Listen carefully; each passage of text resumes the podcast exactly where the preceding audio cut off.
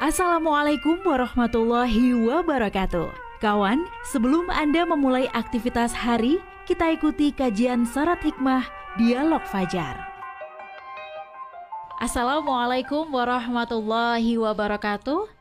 Alhamdulillah kawan pagi hari ini saya Fitriana Ayu yang kembali bersama Anda. Semoga Anda pun juga dalam keadaan sehat ya. Seperti kami yang ada di studio Suara Surabaya bersama Ustadz Muhammad Taha Mahsun dari Pesantren Al-Quran Nurul Falah Surabaya.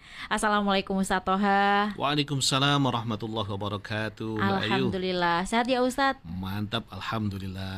Masya Allah. Luar biasa. Baik. Lancarin tadi ya Ustadz ya? Alhamdulillah lancar. Masya Allah. Ya ini kita subuh-subuh ini istilahnya apa ya Ustadz? Yang meruput gitu ya Ustadz. Kadang istilahnya kan kalau apa ya Ustadz? Bekerja, mencari rizki mm-hmm. begitu ya, mencari mm-hmm. nafkah. Kita yeah. berangkatnya pagi. Nanti belum lagi kalau ada rezeki-rezeki hmm. lain, uh, kita pulangnya tuh sampai overtime, sampai oh, malam betul, gitu. Wah, kita kan ya mengumpulkan Allah. sesuatu yang kita memang ke kejar, kita targetkan kejar, gitu ya Ustadz ya. ya. Nah itu kenapa sih Ustadz kita itu bersikap seperti itu dan nanti itu bagaimana endingnya buat katakanlah harta yang kita kumpulkan dari hmm. pagi sampai ketemu pagi lagi. Lah, iya. Dalam Masya agama kita itu bagaimana Ustadz? Monggo selengkapnya yeah. bersama Ustadz Muhammad Toha Mahsun. Alhamdulillahirrabbilalamin Wassalatu wassalamu ala asrafil anbiya wal mursalin Sayyidina wa maulana Muhammadin Wa ala alihi wa ashabi ajma'in amma ba'du Kawan, mudah-mudahan semuanya diberikan barokah oleh Allah Subhanahu wa taala. Ya Perjalanannya, kehidupannya putra-putri kita, putra-putri panjenengan semua diberikan rahmat oleh Allah Subhanahu wa taala. Dan amanah yang diemban hari ini mudah-mudahan lebih baik daripada hari kemarin, kawan. Amin, amin ya rabbal alamin. Targetnya tercapai. Amin. dalam bimbingan Allah ya dan semuanya nanti goal pada akhirnya bersama-sama dengan senyuman atas bimbingan Allah semata. Kawan, kalau kita sudah berbicara tentang ruhiyah ya, berbicara tentang akhirat, berbicara tentang agama, memang rasanya kita itu kayak hidup terbang. Kita itu nggak punya apa-apa ya. Iya, kita betul, itu sama sekali nggak punya apa-apa. Bahkan telanjang bulat pun kita juga nggak berhak kita karena tubuh kita itu memang murni punyanya Allah Subhanahu wa taala. Kita nggak tahu kapan kita diambil, kapan kita dijemput, kapan juga kita akan ditengok sama Allah tiba-tiba dijemput, kita juga nggak tahu kawan. Maka yang disampaikan Mbak Ayu tadi, kehidupan kita yang penuh dengan hiruk pikuk. Saya ulang lagi ya. kehidupan kita yang penuh dengan hiruk pikuk pagi, sore, Oh siangnya belum ya, pagi, siang, siang sore, malam. Sampai ketemu pagi lagi. Ketemu pagi ya lagi, katanya kawan-kawan nggak usah pulang kantor lah, besok pagi ke sini lagi kan. Iya betul betul Ustaz. Ya Allah sudah jam berapa? Jam 11 malam, astagfirullah. Di sela-sela itu kawan kadang-kadang kita harus ngelus dodo ya. Kita berhak untuk mengingat kembali ya Allah, astagfirullah. Apa sebenarnya yang kita cari di dunia ini? Kawan dari materi-materi kita sebelumnya bagaimana kita memanajemen waktu sudah bagaimana kita mengelola dari rizki kita juga sudah. Setidaknya kawan kata Ba'dul Hukoma yastakbilu ibnu Adam arba'u. Nah bati ayu yakhudhu bil qahri apa yang sudah kita kumpulkan di dunia ini dan bahkan kehidupan kita nanti hmm. akan direnggut paksa kawan. Akan direnggut paksa. Karena kita harus sadari bersama hmm. itu bukan milik kita. Kita akan punya sehelai tiga kain helai itu saja yang kita bawa kawan. Kita tidak punya apa-apa Wong kita lahirnya juga nggak bawa apa-apa kan, nggak ada yang Betul. keluar dari rahim ibu sudah bawa perhiasan gitu ya. Di, Serem ya Ustaz. Di lehernya sudah ada ya emas ya setengah gram, kecil gitu saja ya, sudah. Ya. Sekarang ada gift-gift yang emas-emas yang oh, apa? Iya. Antam, 0, gitu ya, antam itu ya, sekian ya. gram uh, cuma 0,5 gram. Sekecil saja di anting-antingnya juga nggak ada. Kita nggak iya, bawa apa-apa. Akan tetapi ternyata filosofinya hmm. orang yang lahir adik-adik kita atau anak-anak kita yang lahir itu atau bahkan kita sendiri itu menggenggam. Hmm. diterjemahkan sama mbah-mbah kita, guru-guru kita, menggenggam itu artinya nak, seisi dunia itu akan digenggam, Hmm. akan dihabiskan, akan terus direngkuh untuk dipenuhi rumahnya. Biar nanti penuh, kalau penuh nanti ternyata kehidupannya akan selesai yaitu malakul mauti ruhahu. Yang pertama yang direnggut adalah malaikat maut akan merenggutnya. Ya Allah. Nyawanya direnggut. Akhirnya tangannya tidak menjadi menggenggam lagi. Ketika kita sudah nanti nggak ada, tangan kita akan terbuka. Nggak ada Mbak Ayu orang berangkat ke kubur itu, loh loh, lah kok tangannya menggenggam kecuali sudah kaku loh ya. Oh iya. Tapi syariatnya ya dibuka dan e, tertelakup seperti hanya kita sholat, Sholat. atau sebaliknya e, tangannya yang kanan biasanya kita di e, Atas. atas itu di bawah. Begitu. Tidak ada yang menggenggam seperti mau tinju gitu nggak ada. Berarti nggak ada yang dibawa kawan. Iya betul. Nggak ada yang dibawa. Kehidupan kita yang dimimi sama orang tua kita, jangan sampai kita dari kecil jatuh kalau nangis kita di dinina bobokkan kita dikasih dot kita dikasih makan dikasih susu dikasih roti dikasih kurma dikasih madu ternyata juga akan direnggut oleh malaikat maka kawan gunakan ruh kita semaksimal mungkin kehidupan kita itu semaksimal mungkin dengan kebaikan-kebaikannya kalau toh panjenengan semuanya sedang bekerja menjalankan amanah di kantor panjenengan masing-masing, gunakan amanah itu untuk menjadikan ruh panjenengan bermanfaat untuk ibadah panjenengan. Sebenarnya kehidupan ini adalah ibadah yang panjang begitu saja Mbak. Ayu.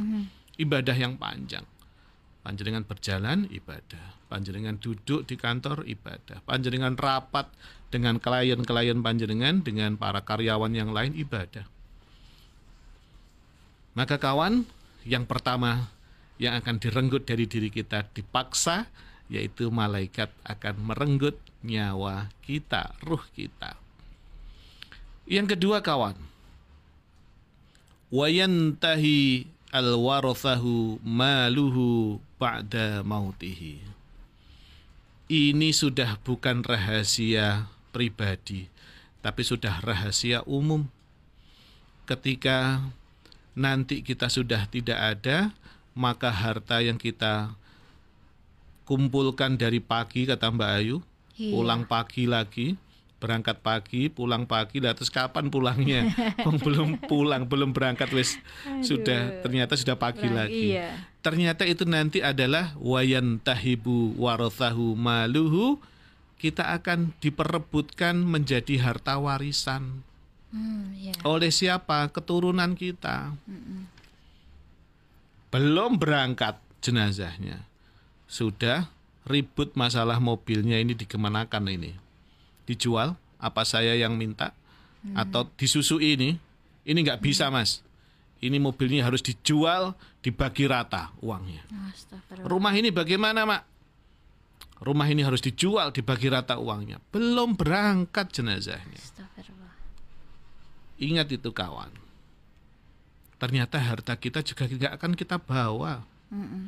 Akan direnggut oleh para ahli waris kita. Apakah kita bisa secuil membawa? Nggak bisa, nggak ada manfaatnya.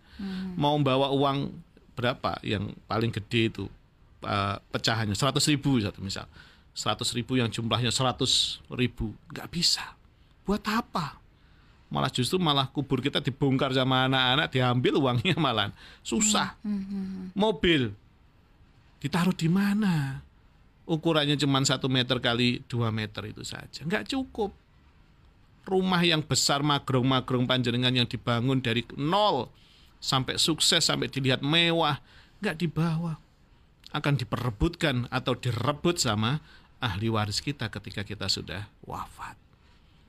Tetap kawan, kita akan tidak punya apa-apa nantinya. Pada akhirnya kita nggak punya apa-apa. Dan yang ketiga lebih ngeri lagi nih Mbak Ayu. Mengingatkan kepada diri kita. Yang cantik jangan kemayu bahasa Jawanya. Iya. ya. Yang ganteng juga jangan apa? Gembanteng. jangan anulah ya biasa saja punya Iya. wajah ya biasa saja. Karena apa kawan? Diingatkan kita wayantahibu dadu jismahu fil qabri ternyata wajah cantik kita, wajah ganteng kita akan direnggut, akan direbut, akan diambil oleh cacing-cacing. Hmm.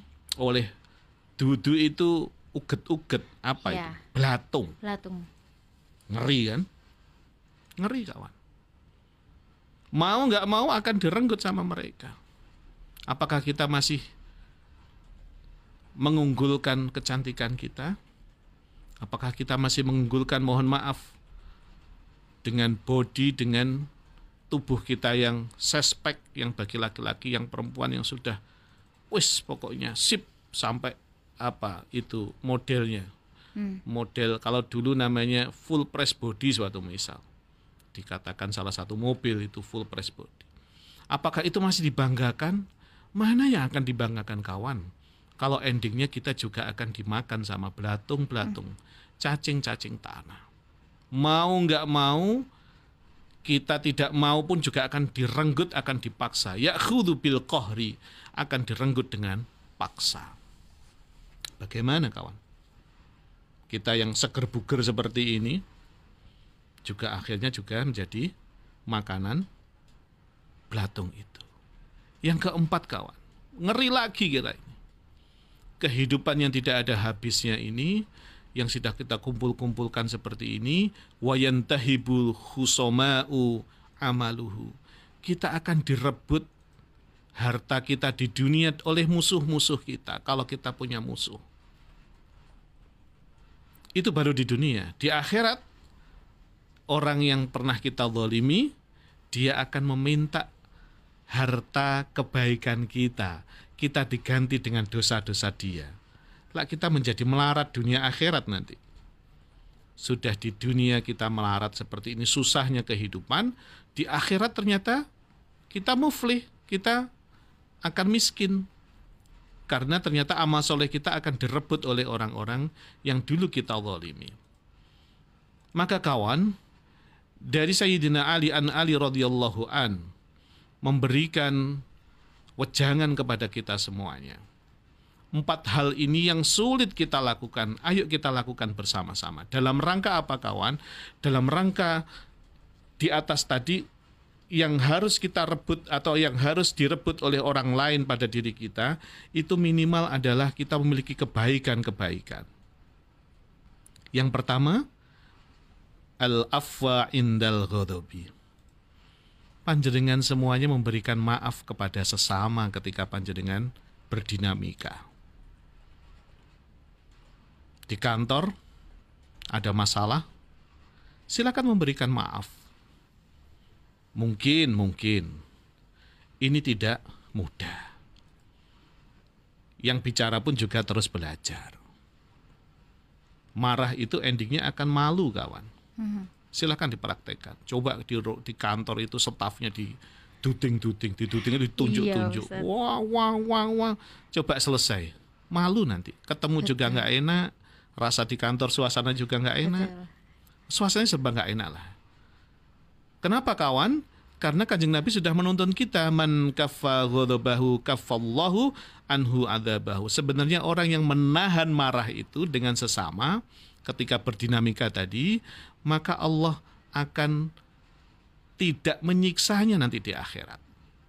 Lo wes nak wes bener guys gak apa-apa warisanku no gak apa-apa. Warisan saya dihabiskan gak apa-apa yang penting saya gak disiksa sama Allah. Bah wajah saya cantik juga dimakan belatung tapi ternyata Allah tidak menyiksa saya. Gara-gara saya adalah memberikan maaf kepada sesama ketika saya berdinamika dengan sesama. Yang kedua kita diingatkan oleh Sayyidina Ali. Hmm. wal judi fil usrah kita terus loman Mbak Ayu dermawan Mbak Ayu ketika kita sedang dalam keadaan sempit. Kalau loman atau dermawan dalam keadaan lapang sudah biasa. Hmm. Tapi kalau loman dermawan dalam keadaan sempit, luar biasa kawan. Ayo kita terus lakukan itu. Yang ketiga, wal ifah. Ifah itu takut dengan Allah dalam keadaan sepi.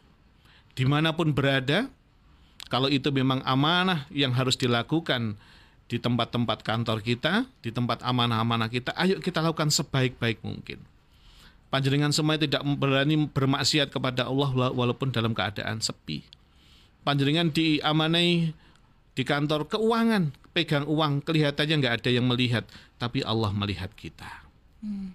Yang terakhir kawan, biar kehidupan kita tidak bahaya, ya. Hmm. Wa kaulu tahakkuk liman khaufahu au yarhu katakan yang benar kepada orang yang kau takuti, tanda kutip pimpinan, orang-orang yang di atas kita, kalau itu memang benar adanya. Katakan yang benar, kalau itu memang benar, katakan salah, kalau itu memang salah. Jangan menjadi seorang yang bermuka dua, dua. ya kawan. Ini yang bisa saya sampaikan. Ayo kehidupan kita semakin lama semakin berkualitas kebaikan amin, kita amin, amin. di hadapan sesama dan di hadapan Allah Subhanahu wa taala. Mudah-mudahan ya bermanfaat Mbak Ayu. Mohon maaf atas segala kekurangan. Sama-sama Terima kasih Mbak Ayu. Terima kasih juga demikian kawan Dialog Fajar pagi hari ini. Saya Fitriana Ayu dan juga Ustadz Muhammad Toha Masun pamit. Wassalamualaikum warahmatullahi wabarakatuh. Program Dialog Fajar yang baru Anda simak kerjasama Suara Surabaya dan Pesantren Al-Quran Nurul Falah Surabaya, lembaga dakwah yang amanah, profesional, dan berbasis Al-Quran Pesantren Nurul Falah mencetak guru-guru Al-Quran dengan metode tilawati dan tafidz Al-Quran. Informasi dan pemberian donasi hubungi 031 828 1278 atau nurulfalah.org. Wassalamualaikum warahmatullahi wabarakatuh.